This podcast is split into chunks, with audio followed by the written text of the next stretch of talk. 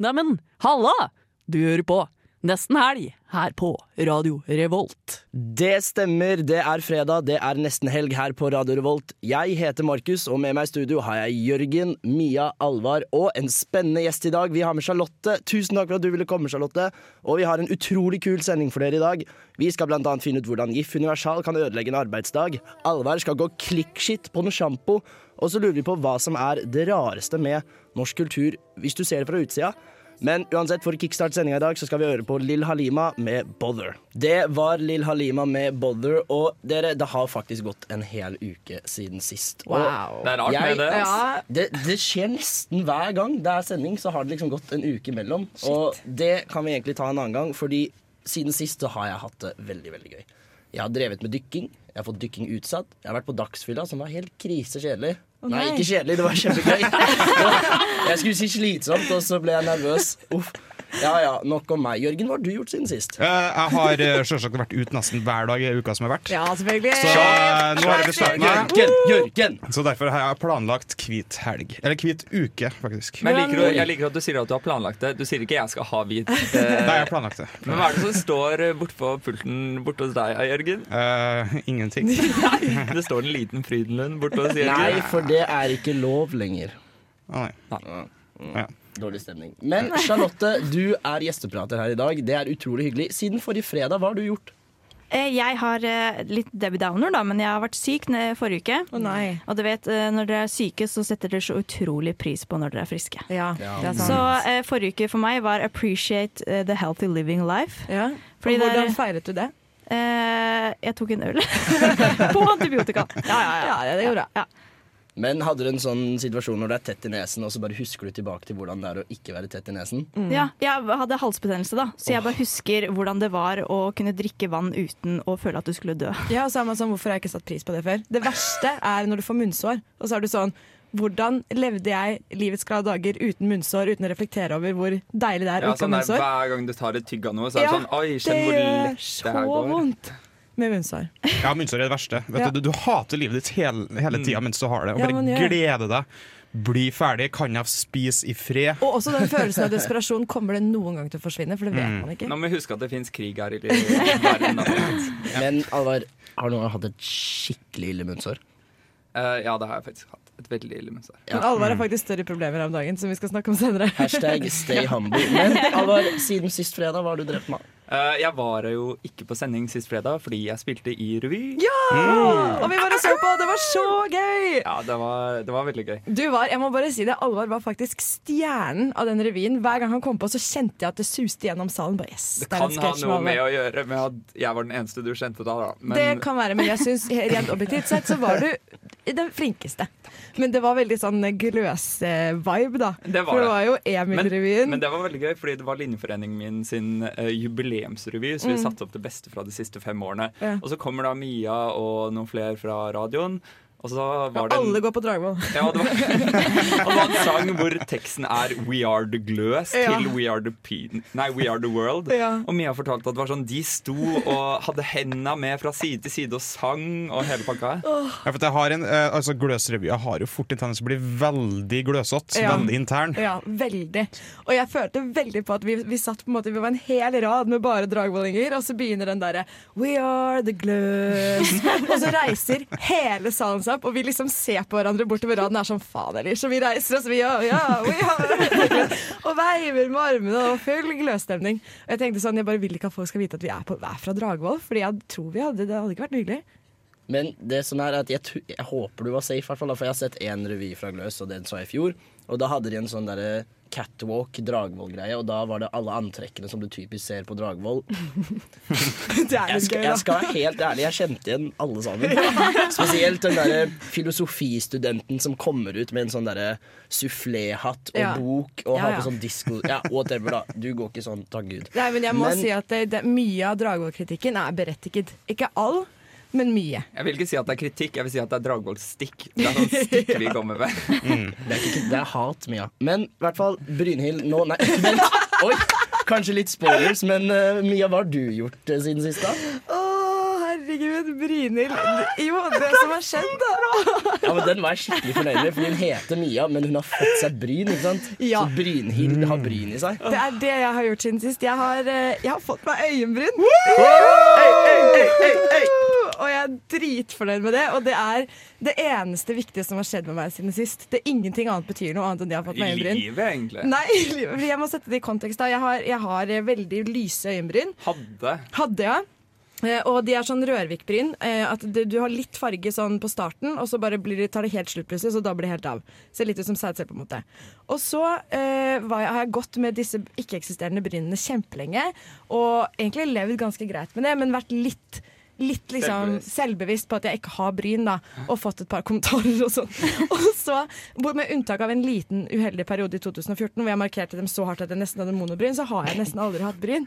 Eh, og så da dro jeg til Brow Rehab, eh, og for den nette lille sum av 550 kroner, så har jeg fått meg øyenbryn! Og det ser veldig bra ut. Ja, jeg syns det var en liten glød ved deg i stad. Jeg bare, oi, Hva er Ja. skjedd med Det jeg tenker Ja. er at Nå skal jeg ut på sjekkeren med løst hår og nye bryn. Løst hår, se, se hvor det får meg. Mia, you're glowing. Yeah. Men da har dere i hvert fall fått en liten update på hva vi har drevet med siden sist. Vi håper du har hatt det kjempefint siden forrige fredag, og nå skal vi høre på en ny låt. Det her er Anderson Paak med Tints. Å, jeg bare digger det. elsker det her. Å, det her er Å, ja. Åh, jeg bare må vise deg den tingen her. Jeg har nettopp funnet en ny favoritt. Det er helt nytt. Jeg elsker det. Mm, mm, mm. En favoritt? Min favoritt. Det er riktig. Det er på tid for i hvert fall en av mine favorittdeler av programmet. Fordi det er så mange ting å ha som favoritter der ute. Det er så mange ting å ha som ufavoritter. Men i den spalten her så feirer vi faktisk ja, antifavoritten, da. Men i hvert fall, i det stikket her så skal vi hylle det beste av det beste. Og Charlotte, du har en liten favoritt på lager, har du ikke det? Jo, eller det, jeg er jo veldig glad i å se på serier, da. Så jeg har scrolla gjennom eh, alt som er av streamingtjenester, og så har jeg funnet en ny serie. Wow, Ja, det er kult. Det er en serie på NRK som heter Uten pappa. Og den har jeg hørt om. Og den er så fin. Den, eh, den handler om han Mikkel Niva, en eh, komiker. Mm. Har rødt hår og krøller. Det er derfor du liker det? ja, jeg har rødt hår, hvis ikke lytterne vet det. Ja. Eh, og han har en dansk far da, som eh, forsvant eh, ut av livet deres da, ut av livet hans da han var liten. Mm. Og, det, og så handler det om at han har slitt da, med å leve livet etter at faren forsvant. Forsvant han som i at han forsvant, eller at han ditchet dem? Ja, det var veldig misvisende, egentlig. Han eh, forlot eh, familien fordi han var alkoholisert og gikk på rus og sånn. Oh, ja, okay. Og så valgte han rusen da fremfor familielivet. Oh, nei. Så det har på en måte prega han, da, og så vil han komme til bunns i det her og snakke om det å ikke ha pappa, for det er faktisk eh, veldig mange som har det problemstillingen i livet. Mm. Er, er dette en, basert på en, liksom, Eller er det en dokumentargreie? Fordi jeg prøver å gauge om jeg kan dra en vits eller ikke. Det er, han er jo komiker, og han drar masse vitser der, så bare kjør på. Jeg skulle si at det er trist at han faren er så jævlig wack, da. Fordi han burde jo funnet ut at uh, familien er jo den største rusen du kan ha. Det var jo ikke en vits, det var Det bare kjempehyggelig. Det var visdomsord. Var, nå forventer jeg noe skikkelig jævlig. Ja, jeg var litt sånn åh. Jeg Ja, jeg, skulle, jeg skulle dra en sånn uh, Tøm and run-vits i stad, men jeg tenkte det gikk fint. Ja. Men uh, liksom, er han alene? Har han gjester? Hva, liksom, hva går episoden ut på? Jo, det som er Poenget da, er at han snakker med eh, flere kjente artister, og sånn, annet hun Linda Vidar, da, sa jeg det riktig nå, hun som er Bangshot. Hun Ja, er, jeg vet jeg ikke hvordan man husker sier. Ja, og så liksom snakker han med flere folk i hiphop-miljøet og kødder litt med, og så lager de en sånn eh, farløs eh, låt da, som er litt morsomt. Mm. Så de, det er veldig mye som er humor der, da, og så har de jo besøk av Ulrikke Falk og oh, hva heter? Hasse Hope, og de gjør liksom en sketsj på at for, fordi foreldrene møttes i Mosambik. Mm. Så det var jo på en måte hit and run, på en måte. Men og så ble det et vakkert barn ut av det. Ja. men det er så Det er så vanskelig å lage sånn som 'Elske oss Furuseth med mm, Hva den heter den, Uh, Kondolerer? Ja, Ja, kondolerer. Ja. Hvor det er sånn Det er så vanskelig å skulle lage noe som er fint og morsomt og Ja, men når det da gjøres riktig, så blir det så utrolig bra. Mm, det er sant, men jeg føler fallhøyden er veldig stor. Når du Ja. tar så tragiske eller triste temaer og på en måte skal lage underholdning av det, det er veldig lett at det slår feil. Ja, jeg tenker sånn Første forhåndsregel du må, det må være om din egen historie. Ja. Det, Da har du i hvert fall litt større friheter du kan ta.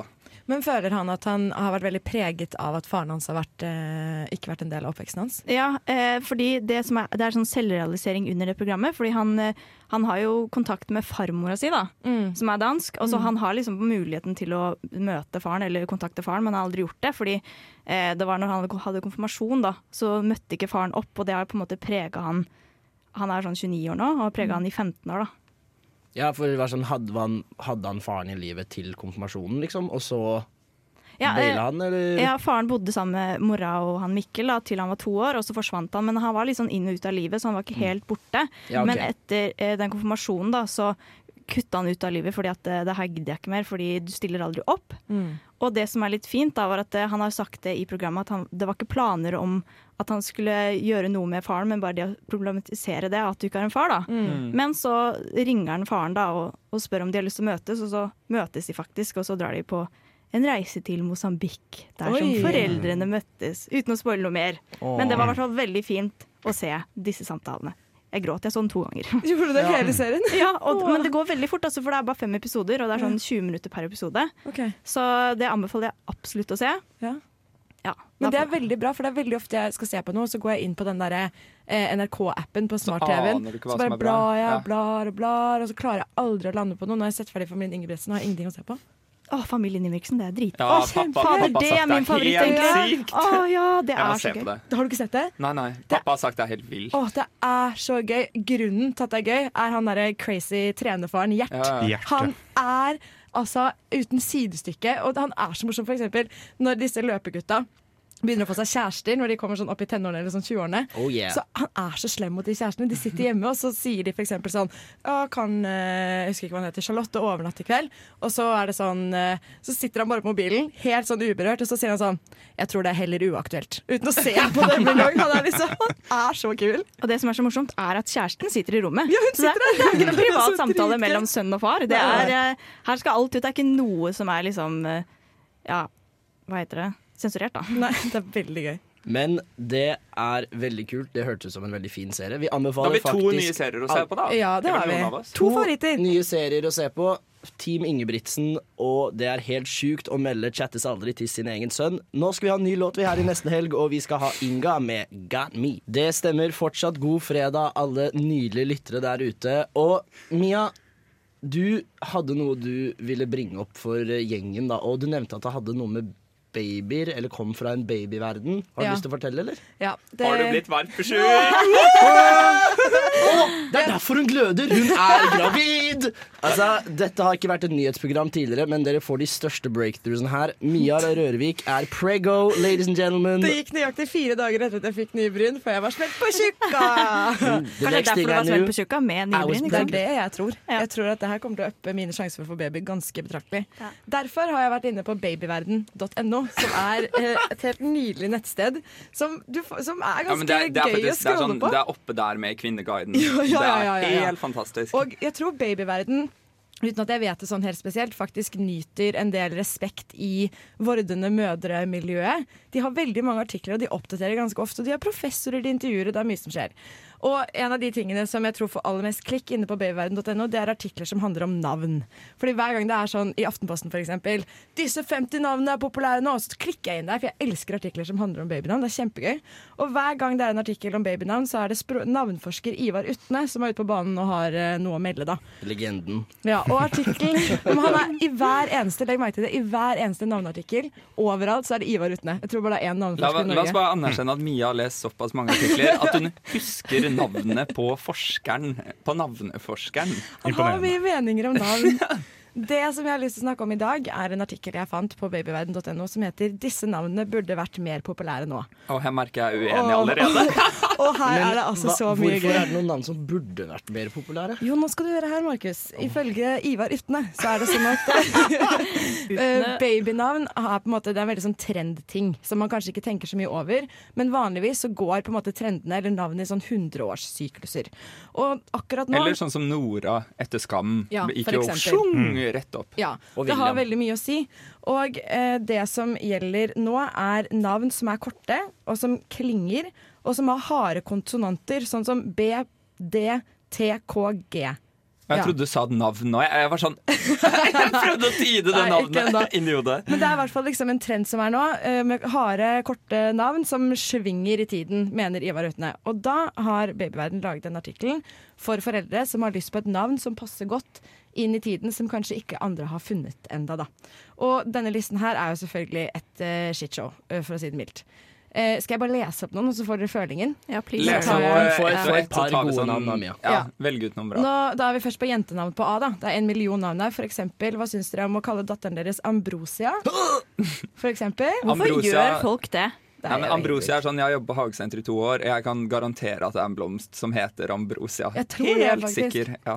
Eh, så har vi Anemone, for eksempel. Er ikke det, er ikke det korallrev på engelsk? Anemone? Nei, anemone er der, Anemone er en del av et korallrev Det er de som liksom springer ut med sånne små tentakler. Kan du ikke bare kalle sønnen din for Det er litt Kvass slimete. Det er et slimete navn. Jeg hadde ikke kalt datteren min for det. Hvis dere ikke har lyst på Anemone, kan dere for eksempel gå for eksempel.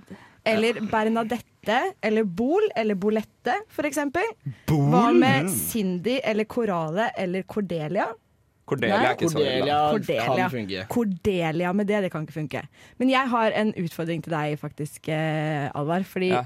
det aller beste er på nede på guttenavnene, hvis vi blar oss ned helt til det. Her syns jeg det var helt nydelig. Fordi min utfordring til deg er at hvis du en gang i framtiden får fire firlinger Ja. som er gutter, Ja. så må du Typisk. Da må de hete dette. Ja, okay. er det en avtale? Ja. Kan vi ta hverandre hånd Ja. på det? Du lover? Jeg kan bekrefte at de tok hverandre faktisk i hånda. Eh, da skal dine firlinger hete Darius, Demian, Dirk og Dorian. Er du med? Er helt med. Da, Jeg syns det var en så jævlig nå, jævlig nå, samling. jeg fikk lyst til å ha enda flere enn bare fire. At jeg kan ha min egen lille armé Ja. av sånn D-navn. Og så sier du bare Demian, Dirk, Dorian og Darius. Men dere, da må vi nesten gå videre, Fordi nå skal vi høre Satellite Stories med Sunglasses.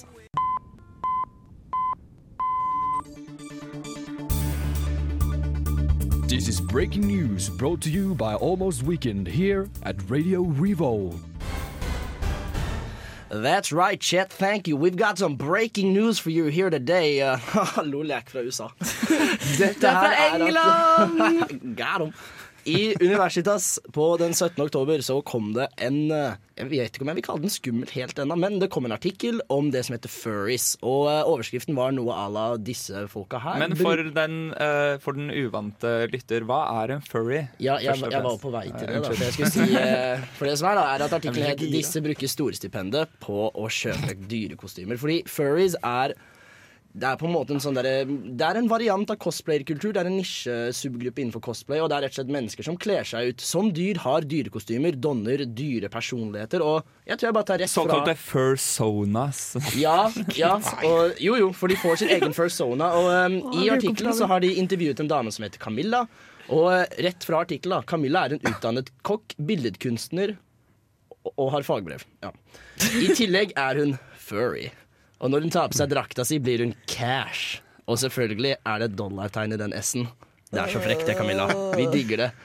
Og hun blir da til cash, en frekk hyene med lilla ører. Altså Jeg blir helt uggen i magen bare av å høre det Bare av å høre ordet. Jeg bare, hvis, hvis dere hjemme ikke vet hva det er, søk på det. Fordi det er ikke bare dyrekostymer. Det er en sånn veldig spesiell type dyrekostymer som de da går i. Ja, dere søker opp furry fursuit, og det blir da, da får du opp de her. Og en type som heter Even, han eh, Når han fant sin indre rev, da som, eh, og, han, og hans, og hans fursona er da Vesta, oppkalt etter Vestavind. As you do. Og han eh, innrømmer at han brukte 4000 på sitt første revekostyme, cirka, som var brukt. Han, men han, han har brukt mye mer oppi sånn 20 grunker liksom, på dyreklær og kostymer. Og det jeg syns er litt spennende, da, er at um, Camilla poengterer i intervjuet her at hun faktisk er ganske normal. Selv om mange ikke tror det. Og jeg skal være helt ærlig når du må poengtere at du faktisk er ganske normal, og folk ikke tror det. Faktisk er det litt sånn tvetydige Ja. Da er det, ligger det noe Da- bak der. Det er sånn, det, altså. Du går ikke ned på Oslo S som cash en frekk lilla hyene og er normal. Sånn, det, det funker liksom ikke. Jeg, blir, jeg blir skikkelig ukomfortabel. Men Altså, jeg må, jeg må bare si at Mia har oppe PC-en her nå ved siden av meg og driver og søker opp sånn furry uh, Jeg vet ikke hva jeg skal kalle det. Porn? det er uh, animasjoner, det er animert. Uh, og det, er, det som er greia med disse furriesene her, eller disse dyrene, er at de er så utrolig seksuelle. De har, det er en hest og en delfin med sånn speedo og liten shorts, og så har de skikkelig mye muskler, og armmuskler og magemuskler, og så ser de skikkelig kåte ut. Jeg klarer ikke. Er det her liksom en fetisj òg, eller fetisj? Nei, No, det er for det, noen av de er det. Ja, Er det for det er det? de sier at det ikke er. Fordi Even eh, sier at det var en bitter episode av CSI. Mm. Når masse furries har en sånn sjuk orgy, sånn der snitta hull i skrittet på, på cash, da. Flekker ut en eh, rolig strap-on med regnbuefarger, og så puler de. Ja, men det er det, fordi det er, altså, Noen av de som driver med Som har sånne fursonas, der tror jeg bare det er å kle seg ut av Og jeg vet ikke helt hva de gjør når de er utkledd, men de, det er Men- ikke så seksuelt. Men noen Det er ikke så seksuelt, det er det bare litt. ja, men Du kan kjøpe kostymer som er spesialdesignet for eh, at det her er fetisjen din, med hull riktige steder og, og klar, klar for action. da Ja, men også det du sa, sånn er at noen gjør det eh, ikke fra sex, og det er ikke så seksuelt. Noen gjør det som jeg har lest om, da, er at det er en del folk som sliter uh, sosialt, med sosial angst og slike ting, som gjør det her fordi de, da får du en sånn barriere da, hvor du kan bare stelle seg bak, og så tør de så sykt mye mer. De tør Ja. å gå ut på gaten, og de tør å snakke med folk. Og det, det er jo egentlig en veldig fin greie, Ja, men det det er er, det. så Åh, jeg er veldig Det Ja, for- er helt ekkelt. Altså, det var det en av de her prater om, at, eh, at du, hvis du er litt sånn eh, ikke hvis du er litt innadvendt, da, så tør du litt mer når du er cash. Og Ja. det, jeg, jeg er veldig glad vi hadde den nyheten her, for jeg tror at det er mange som på helt samme måte som meg hadde en litt rar oppfatning av disse furry-konseptet. Fordi har du vært på internett, så vet du hva Rule 34 er. Og det er kort oppsummert Hvis det finnes, så er det porno av det. Og det Mia søkte opp nå, var definitivt softcore furry porn. Nei, vet du hva, Mia har søkt opp eh, veldig soft, fordi jeg tror det finnes så sykt Ja, mange er- syke greier. Ja, det tror jeg Ja. Mia søker opp Furry Rule 34. Men Furry. poenget er da at eh, hvis du har en hårete krabat i deg jeg Ikke le gruer av det, meg. for det var ikke så gøy. Bare kjør på whip 20K til overs fra Faffa, og bare klikk, liksom. Fordi det er jævlig kult. Men nå skal vi gå litt videre her, så nå skal vi høre på en jævlig kul låt. Det er Intertwine med Let Go.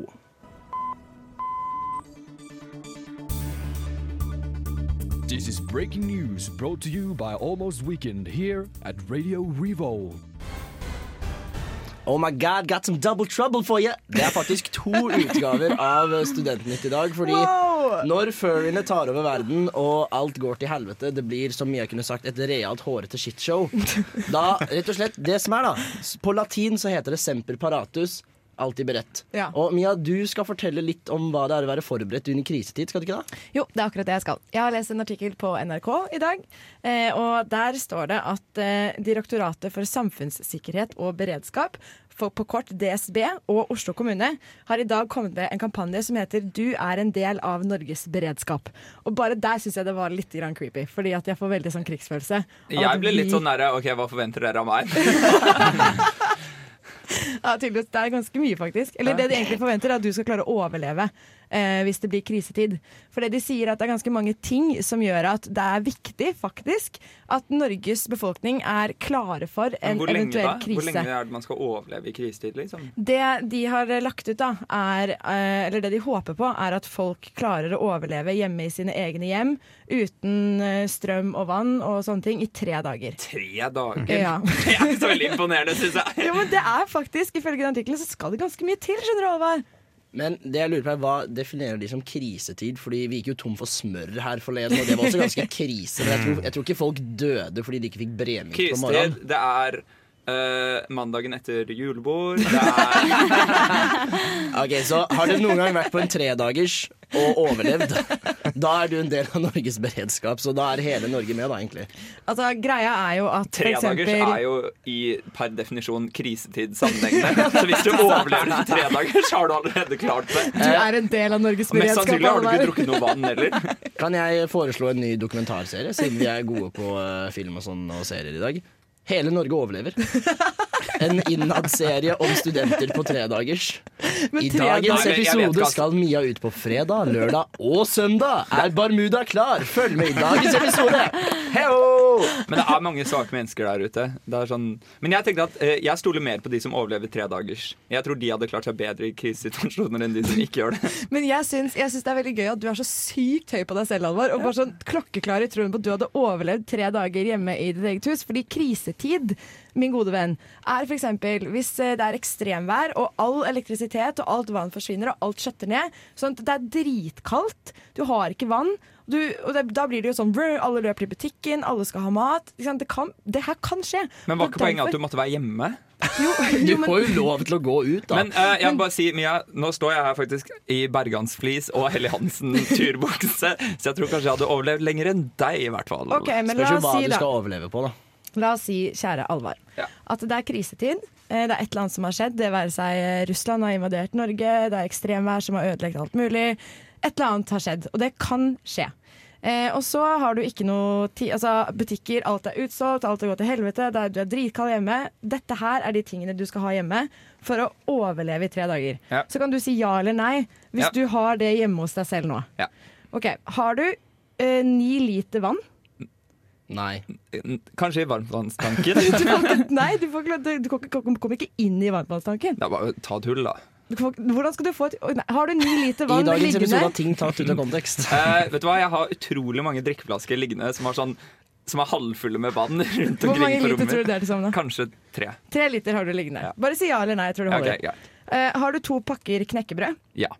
Det er check. Har du en pakke havregryn? Ja. Har du tre bokser middagshermetikk? Nei. Har du tre Jo, eller jeg har liksom bønner, eh, jeg har bønner, kikerter, kokosmelk, eh, Ja. tomater, liksom. Ja, Du kan da lage sier vi ja på det. sjuk hummus. Har du tre bokser med pålegg med lang holdbarhet? Nei. Har du eh, noen poser tørket frukt eller nøtter, kjeks og sjokolade? Eh, nøtter, ja. Ok. Har du medisiner du er avhengig av? Jeg er ikke så avhengig av så veldig mye. Har du gass- eller parafinovn til oppvarming? Eh, uvisst. nei, det er nei. Ja, men du, jeg bor i en tomannsbolig. Er du klar over hvor mye skitt vi har nede i den kjelleren? Jeg finner nye ting hver uke. Har du en grill eller kokeapparat som går på gass? Ja. På Har du- kull, da, og vi har masse kull. Ok, Shit, du er faktisk forberedt, du. Ja. Har du stearinlys, lommelykt eller batterier eller parafinlampe? Ja. Har du fyrstikker eller lighter? Um, ja. Har du varme klær, pledd og sovepose? Har fort det, ja. Har du førstehjelpspakke? Um, det har en av de jeg bor med. Det er et nei, det vet ikke du. Nei, okay. Har du batterier, batteribank og mobillader til bilen? Nei. Har du batteridrevet DAB-radio? Er det her en av tingene? Ja, fordi de vil at du skal få beskjed, ikke sant? Under krise. sånn, ja. Under krise så sender jo myndighetene ut masse Batteridrevet. sånn Jeg tror vår også går på batterier. mm, Hvis den er plugget inn i stikkontakten, så er den ikke batteridrevet. Det kan være begge Nei, deler. det er ikke Nei. Har du våtservietter og desinfeksjonsmiddel? Nei. Tørke- og toalettpapir? Ja. Litt kontanter? Nei. Har du ekstra drivstoff og ved slash gass slash parafin slash rødsprit i oppvarming og matlaging? Eh, Vi har masse kull, da. Er du gravid? Nei. Da trenger du ikke jodtabletter. Nei. Men det gjør du. Det, jeg, ja, men jeg tenkte sånn, Du hadde faktisk ganske mye Jeg tror du hadde overlevd i tre dager. Eneste lille problemet er jo det vannet, da. Ja, For jeg men tviler på at du klarer å bryte deg inn i Men det jeg tror også, det jeg tror også er at vi har eh, Jeg bor i et kollektiv med fem eh, til sammen, og vi har Mm. to kjøleskap, og så har vi en sånn stor fryseboks, og vi har utrolig mye sånn som bare er fra folk som har bodd der, av sånn frossen frukt og sånt å lage smoothie av, og det er ganske mye vann i det, så jeg tror liksom Jeg tror man hadde overlevd en stund på det. Du hadde kanskje overlevd i tre dager, du. Ja, det tror jeg. Fordi. Da jeg leste denne listen, så var jeg sånn Jeg, had, jeg er faen ikke klar for noe apokalypse i det hele tatt. Nei, det, det kom jo ikke som et sjokk, akkurat. sånn.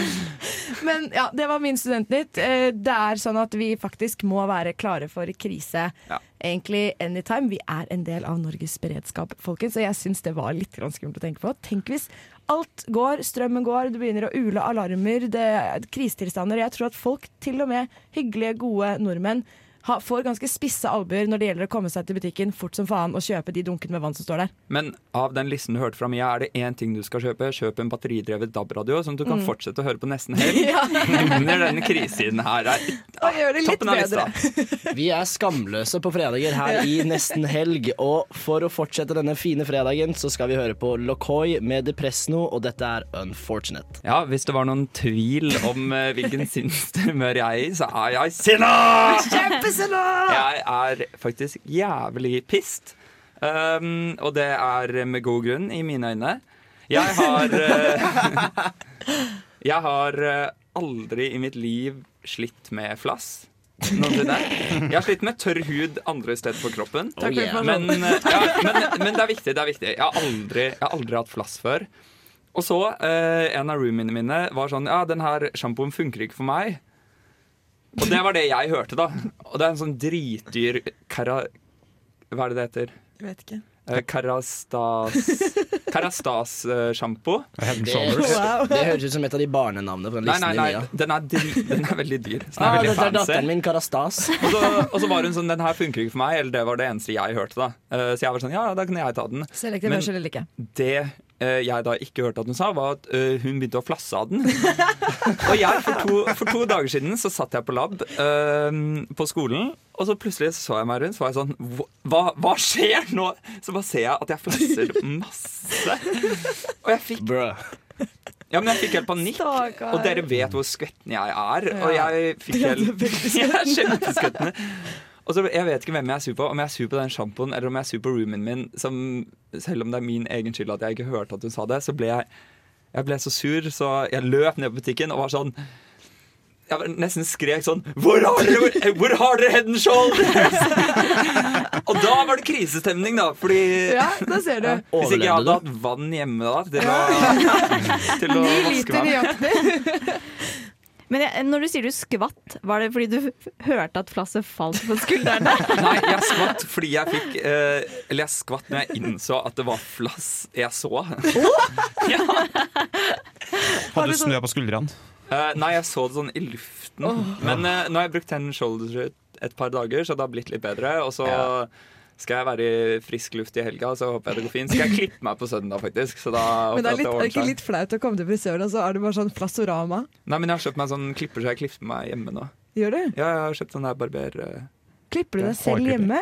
Ja, eller en av roomiene mine, da. Ja, den stilles inn til sånn tre Kan stilles inn mellom tre eh, centimeter oh, ja. og én millimeter. Så du Liksom. slipper skammen eh, av å gå til frisør med masse flass på skuldrene? Jeg syns ikke du skal disse meg nå. Nå føler jeg at jeg har utlevert meg selv på live radio. Jeg Prøver bare å være supportive. Men Emil Heggel Svendsen, han sliter også med flass. Ja, men han syns jeg er en utrolig ufyselig type. Hæ? nei, jeg vet Syns ikke. Jeg syns ikke han er en Jeg syns han er eh, grisekjekk. Ja, Det er jo én sak. Men en annen sak er jo hvordan man er som person. Mia er gravid, da. by the way. Mia er ja.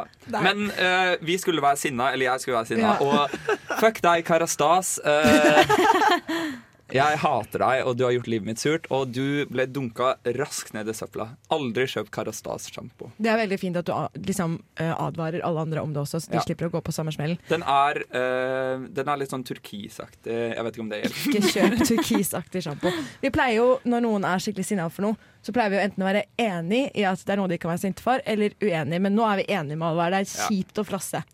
Flass er wack, Ja. ass. Det er kjipt å flasse, men det er litt selvforskyldt. Jeg er selvforskyldt, men jeg ble litt sånn Jeg visste ikke Jeg, jeg ble sånn Er jeg døende nå? Hva skjer? Forfaller kroppen min, liksom? Er det det som foregår nå? Jeg hadde sånn eksistensiell krise midt mens jeg satt på lab og drev og regnet på ting. Men jeg tror, altså, flass er jo egentlig veldig vanlig. Det er en grunn til at vi har et veldig stort merke som heter Head and Shoulders, som er mot flass. Men det er fortsatt veldig tabubelagt, er det ikke det? Det er sånn Du skammer deg litt når du flasser. Jeg skammer meg. Jeg, jeg jeg ser jo den, da. Nei, men ikke sant? Det, er, det er en veldig naturlig ting. At det, eller, ja, at det, det faller av ut fra hodebunnen, holdt jeg på å si. Ja. Så egentlig burde vi egentlig jobbe for at flass blir mindre tabubelagt. Gjøre livet til Alvar litt lettere. Er det her Ja, en men sånn nå vil jeg bare si at det har blitt veldig mye bedre de siste to dagene med Head and Shoulders. Ja. Så jeg satser at over helga så har det ordna seg. Det er sikkert noen som hører på som har lyst til å ligge med Alvar. Ja, Ja. Gjør det. Men Please. hvis du flasser, så er det altså noen der for deg. Husk hode, skulder, glem kne og tå, fordi vi skal gå videre her i nesten Lama. Nå skal vi høre på Dronten med du. Der hørte vi Half-Life av Sandra Kolstad, og nå har vi ringt opp deg, Julien Borell. Hører du oss? Ja, jeg hører deg. Så hyggelig at du har lyst til å slå av en prat på telefon. Ja, kjempefint. Hvor er det du befinner deg nå? Er på Oslo Gardermoen på vei til Trondheim. Yes, for du skal jo prate på samfunnsmøte i morgen som heter Understanding Norwegians. Yes, det gleder jeg meg til. Ja, eh, Grunnen til at du er invitert, er jo fordi du er forfatteren bak boken The Social Guidebook to Norway. Yes. Som er en sånn type tegneseriebok hvor du forklarer eh, sosiale normer blant nordmenn. Ja, altså det er en bok som ble utviklet eh, på NTNU, faktisk. Så jeg, jeg tok doktorgrad ved NTNU et par år siden, og det, det er da jeg utviklet det med en som heter Nicolas Lund. Ja. For du er jo egentlig fra Canada og flyttet til Norge i 2009, stemmer det? Ja, det stemmer. Ja, så eh, kommer rett til Trondheim og NTNU. Ja, Og hva var det som gjorde at du tenkte at du ville skrive en bok om nordmenns sosiale normer? Um, altså Før jeg flyttet til Norge, jeg bodde i fem forskjellige land. Og det, var, det gikk ganske bra faktisk å integrere alle disse landene. Ja. Og så kom jeg til Norge, og Norge var uh, litt mer utfordrende. Og såpass utfordrende at uh, det var veldig mange utlendinger som var ganske alene på Ok. NTNU på den, den tiden. Ja. Og, og så jeg klarte å knekke litt koden. Og så tenkte jeg ok, det må jeg dele med, med andre. Så jeg, holdt, jeg begynte å holde foredrag og, og skrev disse bøkene med litt sånn morsomt blikk eh, på nordmenn. da.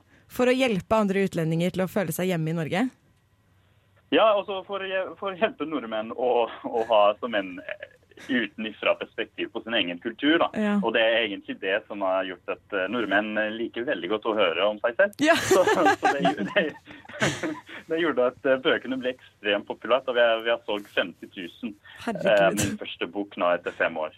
Men eh, hva var det, du har jo drevet med litt sånn observasjonsarbeid da, og, og skrevet alt ned. Hva er det som gjør at det er så vanskelig å bli kjent med nordmenn og komme inn i den norske kulturen? Eh, Jeg tror at det, det er en måte man gjør det, egentlig eh, den, den sosialisering-logikken, eh, hvor man må igjen bli en del av en organisert activity. Mm. frame activity, som jeg, som jeg pleier å si på engelsk, som hvor du må melde deg inn noe først. Altså en sportsgruppe, eller jobbe frivillig for samfunnet, eller som dere da på Radio Revolt. Og Ja. Så Altså, da er det mye lettere å, å skape kontakt med den gruppa. Og etterpå kanskje vi inviterer på middag eller vi begynner å prate om andre ting. Men først må man melde seg noe. Så du kan ikke f.eks. bare gå bort til noen på lesesalen og skaffe deg venner uh, i en annen setting? Nei, det er ganske vanskelig i Norge. Men I lesesalen eller på busstoppen eller ellers på matbutikken. Altså, man må ha mer av en grunn for å snakke med andre. Og sånn, Eh, og jeg tror, at, jeg tror det er det som mange utlendinger kanskje sliter litt med å forstå, og nordmenn også, som, som flyttet til en annen by. Eh, altså det, det er veldig mange studenter som er ensomme nå, og den grunnen veldig ofte det er, å, det er vanskelig å skaffe seg nye venner i Norge. Mm. Og det er det jeg jobber med. da. Jeg prøver å forklare det i en morsomt og hyggelig måte. ja, for du reiser jo rundt og holder foredrag i tillegg til å eie et forlag som gir ut flere bøker om hvor rare vi nordmenn er. Hva er det du lærer bort i disse foredragene? Ja, det er litt det. Altså, det er en sosialisering-greie. Og så litt alt det som har å gjøre med sosiale interaksjoner. Eh, hvordan å være mer komfortabel i forskjellige sosiale setting i Norge og i utlandet. Bli mer bevisst på vår kroppsspråk og hvordan vi kommuniserer. Hvor spesielt eh, eller annerledes den norske kultur er. Og så i, i det forlaget vi har tre andre forfatter nå, eh, og de tar sin egen perspektiv. Noen er norsk, noen er ut, eh, fra utlandet òg. Altså, de prøver å ta sin egen perspektiv på business eller på, på sosiale interaksjoner. Så vi prøver virkelig å, å ha en slags verktøykasse eh, med foredraget og bøker for å, for å hjelpe oss og hjelpe alle å sosialisere bedre i Norge. Men det er jo veldig vanskelig å skulle bli bevisst på en kultur man på en måte er en del av uten å tenke over det. Har du opplevd at folk har fått sånne aha-opplevelser? Sånn 'oi, herregud, jeg visste ikke at jeg holdt på sånn'? Ja, ja, absolutt. Det, det er jo det som gjør at eh, prosjektet er veldig populært i Norge. Nordmenn eh, får den opplevelsen. De, blir, de begynner å reflektere på sin e eget atferd, og de blir veldig nysgjerrige egentlig hvordan ting som er helt vanlig i Norge, kan være eh, eh, eh, kan være eh, det føles veldig annerledes fra en annen kulturell perspektiv. da. At folk ikke innser det nordmenn mener med, med den måten de kommuniserer på, men de forstår noe helt annet. Ja. Og veldig mange utlendinger føler seg avvist i Norge, hvor egentlig de er ikke avvist. Det er bare at nordmenn kommuniserer kanskje litt mer direkte. Ja. Og øh, ja, Det er det som har gjort at Norge-prosjektet har vært ekstremt populært blant nordmenn. Det er mest nordmenn som kommer til mine foredrag, egentlig. Det er Eh, sikkert er veldig mange nordmenn Unnskyld, det er sikkert veldig mange nordmenn som kommer på samfunnsmøtet ditt i morgen, tipper jeg. Ja, det er 1000 som har eh, meldt seg på, på Facebook som er interessert, så jeg gleder meg. Siste gang var fire år siden. Jeg holdt et samfunnsmøte, og da var det helt, helt fullt. De hadde ekstra sete bak, så jeg håper det blir det samme i morgen. Så gøy. Eh, du sier jo at eh, nordmenn er veldig glad i å høre om seg selv. Er det noen andre ting som du syns er veldig typiske for, for nordmenn? Ehm, altså sosialt messig, mener du? Ja, for eksempel. Ja, altså det f.eks. Med, med personlig rom. Eh, Norge og Skandinavia er stedene i verden hvor man må respektere den lengste eh, distanse med folk når man eh, snakker sammen. Men med en gang eh, så jeg, jeg fulgte meg kanskje litt av i begynnelsen, men med en gang nordmenn, spesielt gutter, begynner å drikke, da plutselig hopper de på deg. Og så har jeg aldri fått så mye nær kontakt fra eh, menn før. Det er. Så det, er litt sånn kontrast inni eh, Dere må igjen komme i morgen, og jeg kommer å gi masse sånn morsomme eksempler. Åh, det høres kjempegøy er det, vi er jo veldig glad i å høre om oss selv, vi også. Hva syns du er det beste med norsk kultur? Det beste med norsk kultur, jeg vil si tillit. Eh, folk eh, tror veldig mye på hverandre. Systemet har laget og det er en veldig høy tillit i systemet. Eh, og så at du, du føler deg veldig trygg i Norge. Eh, det er så mange andre steder i verden eh, hvor man føler seg ikke trygg, og du kan ikke stole på folk. Eh, til og med i, i- Canada og USA, hvor jeg er fra, det er, det er langt fra å være så bra som i Norge. Så det liker jeg veldig, veldig godt Mm. uh, i den norske kulturen. Ja. Hvordan opplevde du det? Var du singel da du flyttet til Trondheim? Ja, det var jeg jeg. Hvordan opplevde du datinglivet i Trondheim, det norske datinglivet?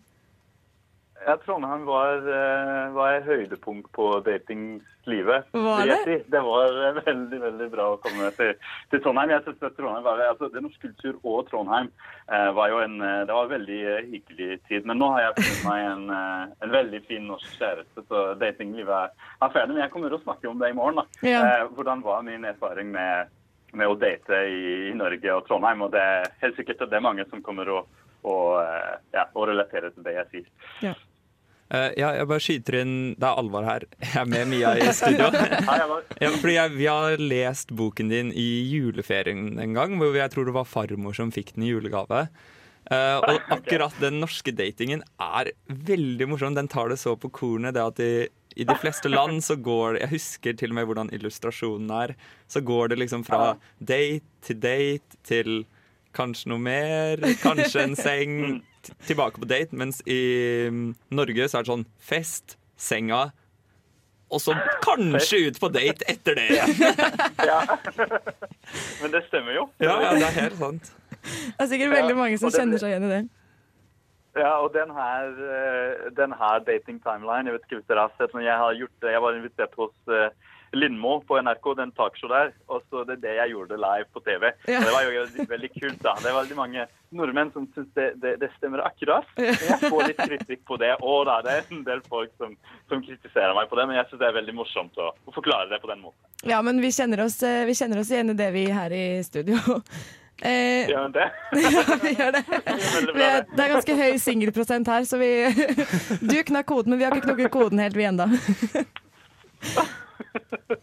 Men, jeg håper eh, at dere kommer i morgen, da. Ja, og det må vi oppfordre alle som hører på til å gjøre også. Det er også da samfunnsmøte i morgen på Samfunnet i Storsalen, og det begynner klokken syv.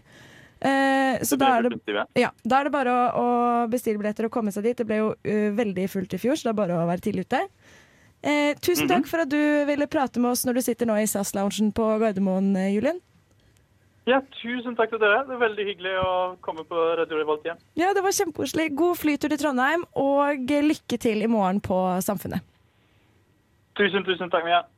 Nå skal vi høre en eh, låt. Det er One Thing av Bad Moves. Det var Bad Moves med One Thing. Og jeg, Markus, er eh, her i Nesten Helg på Radio Revolt, er, eh, er en student. Og det som er greia med noen studenter, at noen av de har jobb på si, ikke sant? Det stemmer. Flekken litt ekstra inntekt. Mm. Digg. Det er bare deilig. Ja, det er deilig. åh, det, er, eh, det var det jeg hadde lyst til å si i stad, forresten. Det å leve på bare studentbudsjett, er, eh, det er å overleve en krise, det. Men det er en digresjon, fordi jeg har en jobb, og i den jobben så er jeg veldig mye ute. Jeg går dør til dør. Da sier det seg selv at fordi jeg er oppegående og hyggelig, jeg møter mye mennesker. Og forrige fredag så hadde jeg en, eh, Ja, altså Jeg har kalt det hørespillet her Markus Hørespill McNarkis, fordi det her er MacGyver-narkomanen, rett og slett. Det er helt sykt. Og jeg vet ikke om jeg klarer å selge det inn noe bedre, så jeg tror kanskje vi bare hører på med en gang. jeg.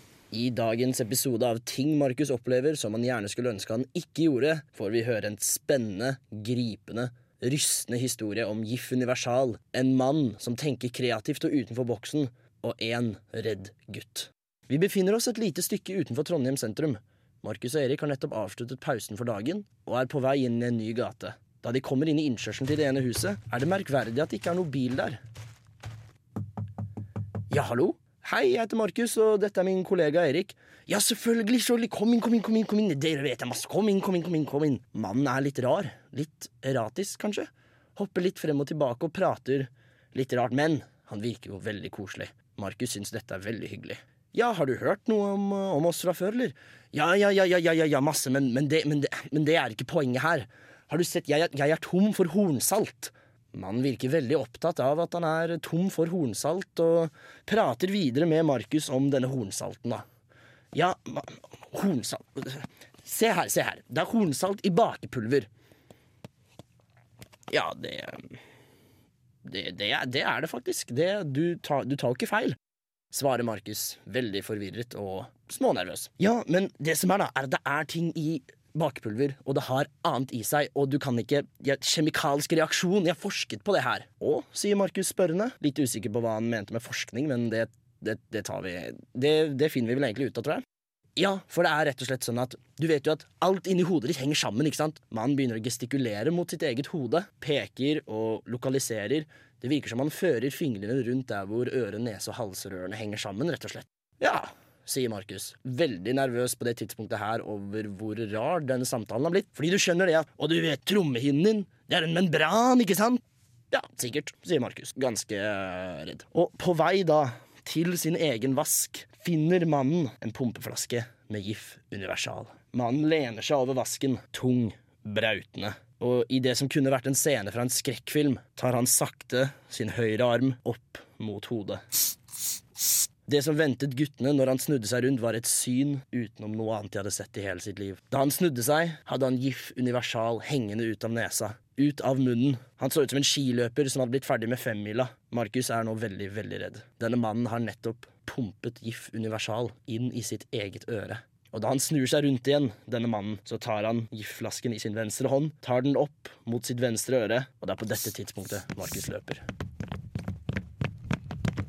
Og det var historien om hvordan Markus møtte MacGyver-narkomanen. Så sykt bra, Markus! Ja, takk. Jeg, jeg, jeg er litt fornøyd, faktisk. Jeg syns den ble litt kul. Med lydeffekter og alt mulig. Ja, men jeg tenkte jeg vil jo danne et litt mer overordnet lydbilde, så det er mer engasjerende for lytteren, eh, rett og slett. da. Jobber du i radioteater? Ikke enda. Nei. Åh, Ny spoiler her på Radio Revolt, forresten. Markus predikerer fremtiden. Men eh, ja, det var, eh, det var jo da nå forrige uke, og det var sjukt skummelt, fordi det jeg ikke nevnte her, fordi jeg bare tenkte det kommer til å høres helt grusomt ut, er du vet når du er forkjølet og du tar en skikkelig sånn Ja. Ja. Ja, Du klarte det der. ja jeg, jeg, jeg, jeg, tok, jeg, jeg ofret meg selv og tok én. Ja. Men det som er, da Det er den verste lyden jeg vet om. faktisk Når man skjønner sånn Nå er det en eh, snørrklump nedi den halsen her. Ja. Og han, eh, når han eh, begynner å prate med denne membrantrommehinnen, da, da demonstrerer han et, et godt gammelt snork, som jeg bare velger å kalle det egentlig. Og det jeg ikke nevnte, er at når han står over vasken og har pumpa høyreøret sitt fullt av IF Universal, da tar han tre gode. Og det er det som gjør at den IF Universalen har gått inn i huet på han. Jeg syns det er så sjukt at han pumper GIF Universal fra sprayflaske rett inn i øret. Hva faen er det som har foregått her? fordi jeg blir, jeg, blir sånn, jeg blir bekymret. Fordi GIF Universal tenker jeg det skal ikke inn i kroppen på noen som helst måte. Sånn, Alvar har skjønt det, damer ringte du, ringte du ambulan... Eller jeg tror nesten at jeg hadde ringt ambulansen eller legevakten for å spørre sånn Du, jeg har nettopp sett en person sprøyte det her inn. Er det her dødelig? Eh, altså, jeg, jeg skal være helt ærlig, jeg var jo inne hos han, og han hadde ikke vaska så mye på en stund. Han har hatt mye GIF i øret, og vi, jeg pratet med kollegaen min, og vi tenkte at det var en sånn greie hvor han kanskje har hatt en sånn der, Han har vært avhengig av noe hardere stoffer tidligere, og så har han blitt plassert der av noen autoriteter, kommunen, whatever, og så er han på no rus policy, da. Ja. Er på pissing, sikkert. Så finner han alternative ruter. Det som er da, så ja, det er jo det, så han burde enten skaffe seg kids eller stikke til Sverige, for det er billig vaskemiddel. Jeg er inne på eh, noe som heter Sikkerhetsdatablad, GIF universalspray og GIF universal refill, for å se hvor farlig det er. Mm. Eh, og det står, at, eh, det står at det skal ikke innåndes, eh, og hvis man får det i øynene, så skal man skylle det straks grundig med store mengder vann og kontakte lege. Eh, sånn type ting, Men det står ingenting om hva man skal gjøre hvis man får det i øret. Nei, så jeg men- tror ikke det er så altså, veldig er vanlig. det greit, da. Ja, da går det Så low-key oppfordring her fra Mia på nesten helg. Det er helt trygt. Men, eh, ja, det, men det er jo sant. Man får høre at q-tips er eh, ille for deg fordi du bare fucker opp. Så kanskje det er at GIF universal er veien å gå Altså, istedenfor q-tips. Noen får jo kommentaren 'har du dritt i øra'? Jeg bare sier det. Kanskje han følte han hadde det. Det står faktisk her at hvis du, eh, hvis du svelger GIF universal, så skal du drikke to til tre glass vann eller melk og kontakte lege hvis ubehag oppstår. Drakk han melk? Nei, men det kom jo ut av kjeften på han, da. Det er litt det som er greia, fordi det gikk inn øre, ut munn. Øh, så han svelget det ikke. Ja, men da- ikke betydelig Da tror jeg han er good, Hvis altså. han fikk det inn i øret, så har han fått det inn i hele systemet sitt. Så Ja. da går det også ned i svelg.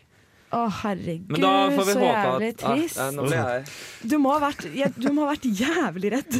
Ja, ja, jeg har sånn genuint PTSD-traumer. Ja, men men det det- som er, jeg bruker humor som en forsvarsmekanisme.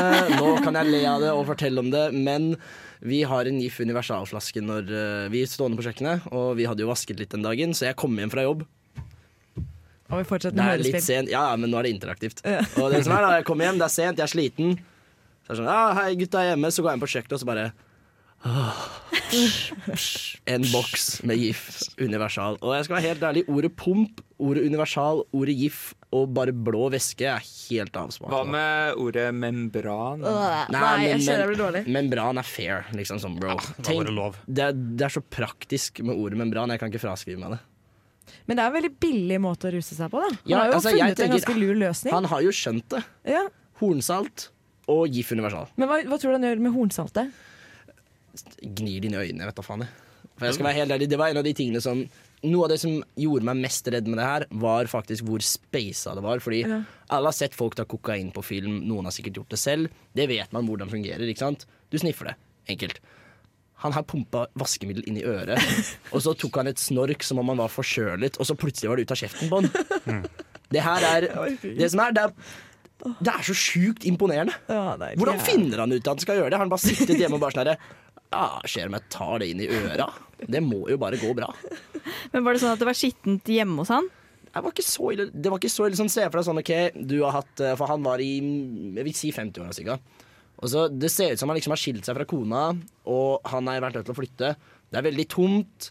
Det er ikke så mye ting der. Mye skrapemerker på gulvet, som om du har dratt en kontorstol, hvis du skjønner liksom den typen vibbe jeg går for. Jeg ser ser på at han har skinnsofaer. Jeg tror kanskje det. Jeg- prøvde å ikke se på sofaen hans, egentlig. Jeg prøvde å ikke lette blikket fra han, for jeg var veldig nervøs. Men du var ikke alene da, heldigvis. Nei, jeg hadde med meg Erik, som er en kollega av meg. Han er en skikkelig skikkelig søt gutt. Og han, eh, jeg sto liksom mellom han og Erik. Da sånn Erik sa sånn Ja, vi burde, vi burde gå nå, vi. Jeg bare, Ja, det, det gjør vi. For det var da jeg ble skikkelig nervøs. Sånn, ok, En ting er at jeg syns han er skummel, men jeg vet at Erik har picka på det også. Det er sånn, Erik han har gått liksom musikk på Musikkhøgskolen i Malmö. Han er en reflektert type. Ja. Så når han var sånn Ja, vi må dra, vi, så bare Hvis Erik sier at dere drar, så stikker dere. Eh, Oppfordring til alle oss her i nesten helg. Hvis Erik sier stikk, da stikker du. Da stikker Ny- du til helvete ut av den Siste oppfordring er eh, Ser du noen som pumper vaskemiddel inn i kroppen sin, så er du mest sannsynlig en person som sliter, og prøv å skaffe hjelp. Jeg må skyte inn det, fordi jeg syns det var litt fælt. Ja, det var jo egentlig ikke så veldig gøy. Men akkurat nå så har vi en skremmende bra passende sangtittel, fordi vi skal høre på Now. Og hvis du pumper if inn i øret ditt, så håper vi rett og slett at du bare maker it out alive. And do my thing. And she will be loved. Ja, kan ikke sangen? Syng! Syng bare høyere! Prøv Ja, men jeg må ha det høyere her på Let's get it started, ha, let's get it started. Stor alpakka, hører du ikke? Gjett hva jeg synger, da! Baby. Det er riktig. Det er eh, en av mine favorittspalter sitt tid å skinne nå. Det er ikke en av mine, det er min. Altså, det, er, det er ingen tvil. Ja, men jeg har nettopp gitt ganske mye praise til den der favorittspalten. Ja, du har det, du må spare på kruttet. Ja, det er det. Det kan ikke bli for mye, Markus. Eller det kan det, men da er det jo for mye. Uansett, dette er en fin spalte som jeg er glad i, helt samme som alle de andre spaltene mine. Jeg kan ikke velge en favoritt. Jeg elsker dere alle likt. Du velger jo favoritt nå. Let's get to the point, fellas! Vi går videre. Poenget er, det er Gjett hva jeg synger. I dag så er det Alvar som har valgt sanger. Han er songmaster, og for dere som ikke har hørt på før, Gjett hva jeg synger er veldig, veldig enkelt. En songmaster, aka da Alvar, i dag velger seks sanger som han har veldig lyst til å høre oss synge. Det er Alle mot Alvar, eller da Alvar mot resten. Vi får da poeng hvis vi, da alle andre, klarer å gjette riktig, eller synge frem til riktig sangtittel og artist. Og Alvar får et poeng for hver vi ikke gjetter riktig. Yes. Så Alvar, hvem er det som skal synge i dag? Uh, I dag så er det først Charlotte som skal synge tre sanger. Deretter så er det Jørgen skal synge én sang, og så skal Mia synge de to siste. Og jeg må si at i dag så er det mulighet for tre uh, poeng per eh, låt. Fordi temaet er coverlåter. Cover eller ekstremt samplet. Sånn at man får, man får ett eh, poeng for uh, låttittel, ett poeng for artist som fremfører den, og ett poeng for den originale artisten. Oi, Å, spennende. kjære vene, det betyr at det er endringer i spillet her, folkens. Å, Så nå skal herregud. Charlotte få på seg ørepluggene. Ja, Charlotte, har du sunget før? Om jeg har, da. Du har jeg du. var med på Melodi Grand Prix på barneskolen. Ja, og da kom jeg egentlig videre. Er du Stiffy? Hva Stiffy? Det er en kid fra Drammen, men det går ja, fint. nei, nei, det er ikke meg. Så jeg har erfaring fra scenen òg, jeg. Dette må vi snakke om mer etterpå. Det er jo ja, ja. sjukt. Men da har vi store forhåpninger. Da kjører vi i gang med første låt. Yeah, the little man, Cause when the roof came in and the truth came out, I just didn't know what to do.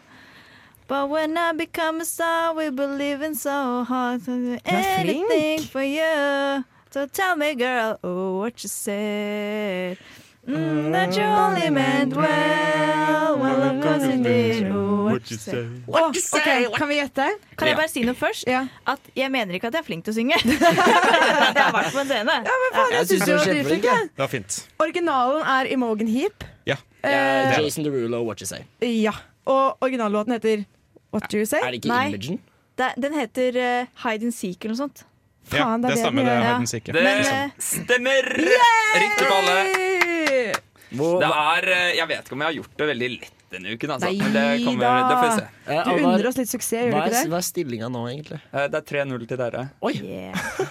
Jeg husker at den eh, Av mine Heap-låten ja, Den gjorde låter. inntrykk på ungdomsskolen. Altså. Jeg var helt sånn fucked up. Hørte så mye på den. Det var sånn Ja. Den og Fireflies. Det er samme med meg, herregud. Ok, Så da har vi faktisk tre poeng, vi, da. Dere har det. Kjør, Charlotte! Er dere klare for neste låt? Yes. Yes. yes. er. Nå er det bare å belte på, Charlotte. Oi, belte på. Belte. We move. Never knew never, never, never, never, never, never, never, you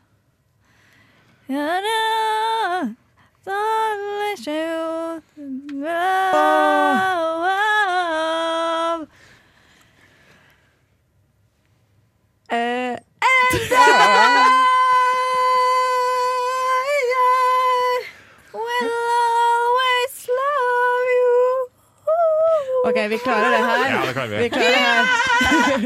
Originale, i hvert fall Whitney Houston. Ja, og den heter I Will Always Love You. Og jeg tipper det er Mariah, Mariah Carey som covrer Eiva! Tar vi Mariah Carey? Jeg, jeg, Eh, jeg, jeg, kan, jeg kan kjøpe en uh, liten Mar- Freck Mariah from the Men side. er det Whitney. Houston som har originalen? Nå ble jeg Ja, er kjempeusikker. Er Er du sikker på det? Ja. Kan okay. jeg svare også, eller? Nei, Nei, du ikke Nei, du skal egentlig være stille. Uh. Ja. ja, vi, Jørgen, du vet det er Whitney Houston? For det Hun spilte jo den i filmen. ja, men kan det det, kan det være hun fra Hun som har den Titanic-sangen? Celine Dion? Nei, det er ikke det. herregud, jeg vet ikke. Nå må dere komme med et svar Men så må vi se hvem som er originalartisten. Vi må ikke, men da får vi i hvert fall ikke svar. da får dere i hvert fall ikke poeng, og da får jeg, jeg det ble poenget. bare jævlig usikker på om det egentlig er Whitney Houston som har originalen. skjønner dere om, og, fordi Hvis hun sang Whitney Houston nå, så er det en annen som har originalen. Hvis det er originalen, så var det noen andre som sang, og da tipper jeg det er Mariah Mar Carey. Mariah Carey har garantert en av variantene på den sangen der. Men, men da, kan vi altså, Nå må dere komme frem til Legg ned Whitney som OG, I Will Always Love You, Mariah Carey på coveret. OK, vi prøver. Ja, Da blir det faktisk eh, 4-2, fordi det er eh, Whitney som ble sunget nå, og hun har covret Dolly Parton. Ja, det var det det det det? var! Ja.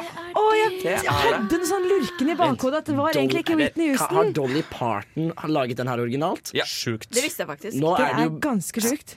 Nå mister jeg respekt for den sangen. Da ble det 4-2.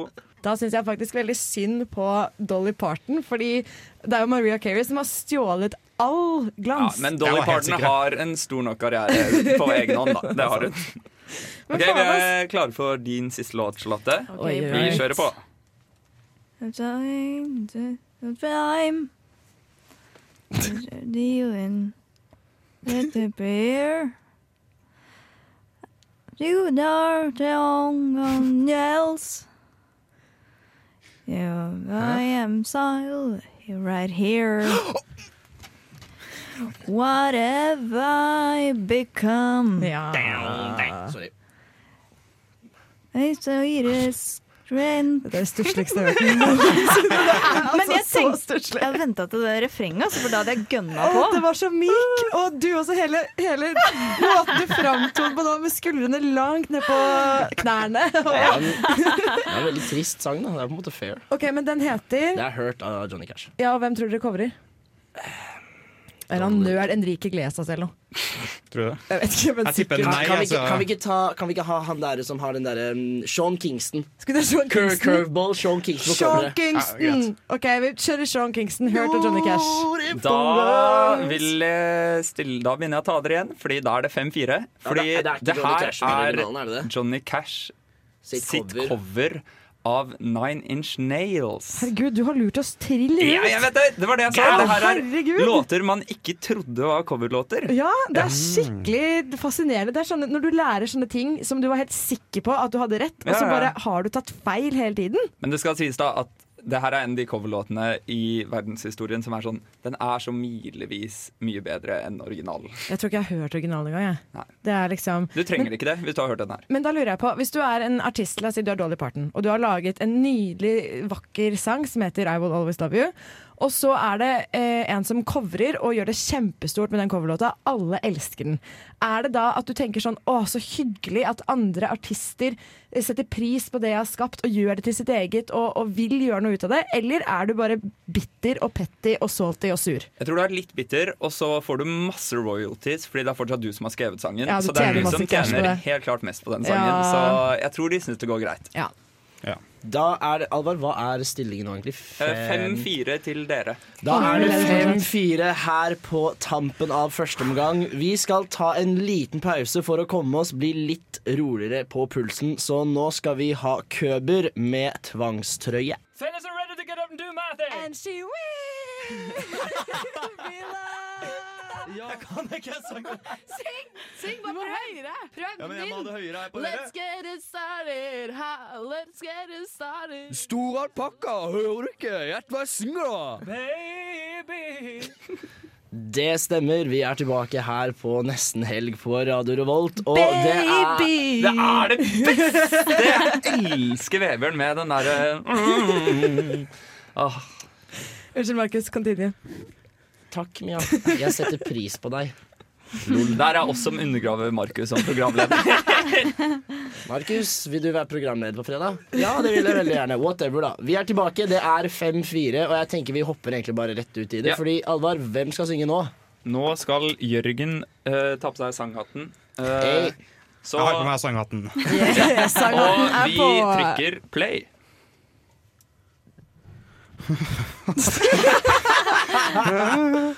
Oi, her er, her er vanskelig. Jørgen. Åh. Fint pianospill. Så Å, det er nydelig. I see, we try to see where we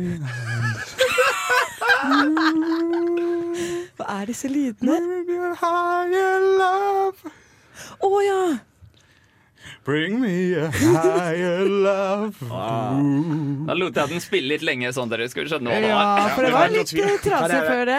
Det, det, det begynte med å høres ut som at du var en sånn tolvåring som liksom så puppene til moren til kompisen, og han var sånn Ja, det, var, det var skikkelig vanskelig, men ja, når refrenget kom, så ja. Men dette her er eh, Heter den 'Bring Me Your Higher Love'? Gjør den det? Ja. Higher Love, kanskje? Jeg er helt blank her, dessverre. Ja, sånn ja, det hørtes- Ja, det, det, det høres kjent ut, men artist eller whatever, det aner jeg ikke. Det er skikkelig sånn derre Jeg vet jo, men jeg får utsvar svar. Gjør Nei, det? får ikke Jørgen. I den versjonen jeg tenker på, så er det veldig sånn Det er sånn fest, Bring me your higher love. Så jeg kan se for meg at det er sånn for eksempel ah, Det er noen 80-talls-vibes going on. Kanskje sånn type Toto, men ikke Toto, hvis du skjønner hva jeg mener. Ja. Men jeg, er, jeg, jeg husker ikke hvem det er. Jo, Altså. Bring, det kan jo fort være tolv år, kan det ikke det? bring me your higher love. Det er um, Dere må nesten komme til et svar nå. Det er Altså. i hvert fall en mann som synger. Bring me Ja, ok, men da er det bare 50 av i verden igjen. Men kommer dere til å komme frem til svaret? Nei, men da svarer vi Bo, eh, bo, bono. Nei, det gjør vi ikke. Det, gjør- det gjør vi ikke. Nei, vi svarer eh, rett og slett eh, Vi svarer um, Toto har uh, covret, og originalen er han derre Baby daddyen til Mia. Nei, eh, originalen er Han har lagd andre låter. Det er um, han eh, Springfield. Hva heter han? Bruce? Bruce, sier vi.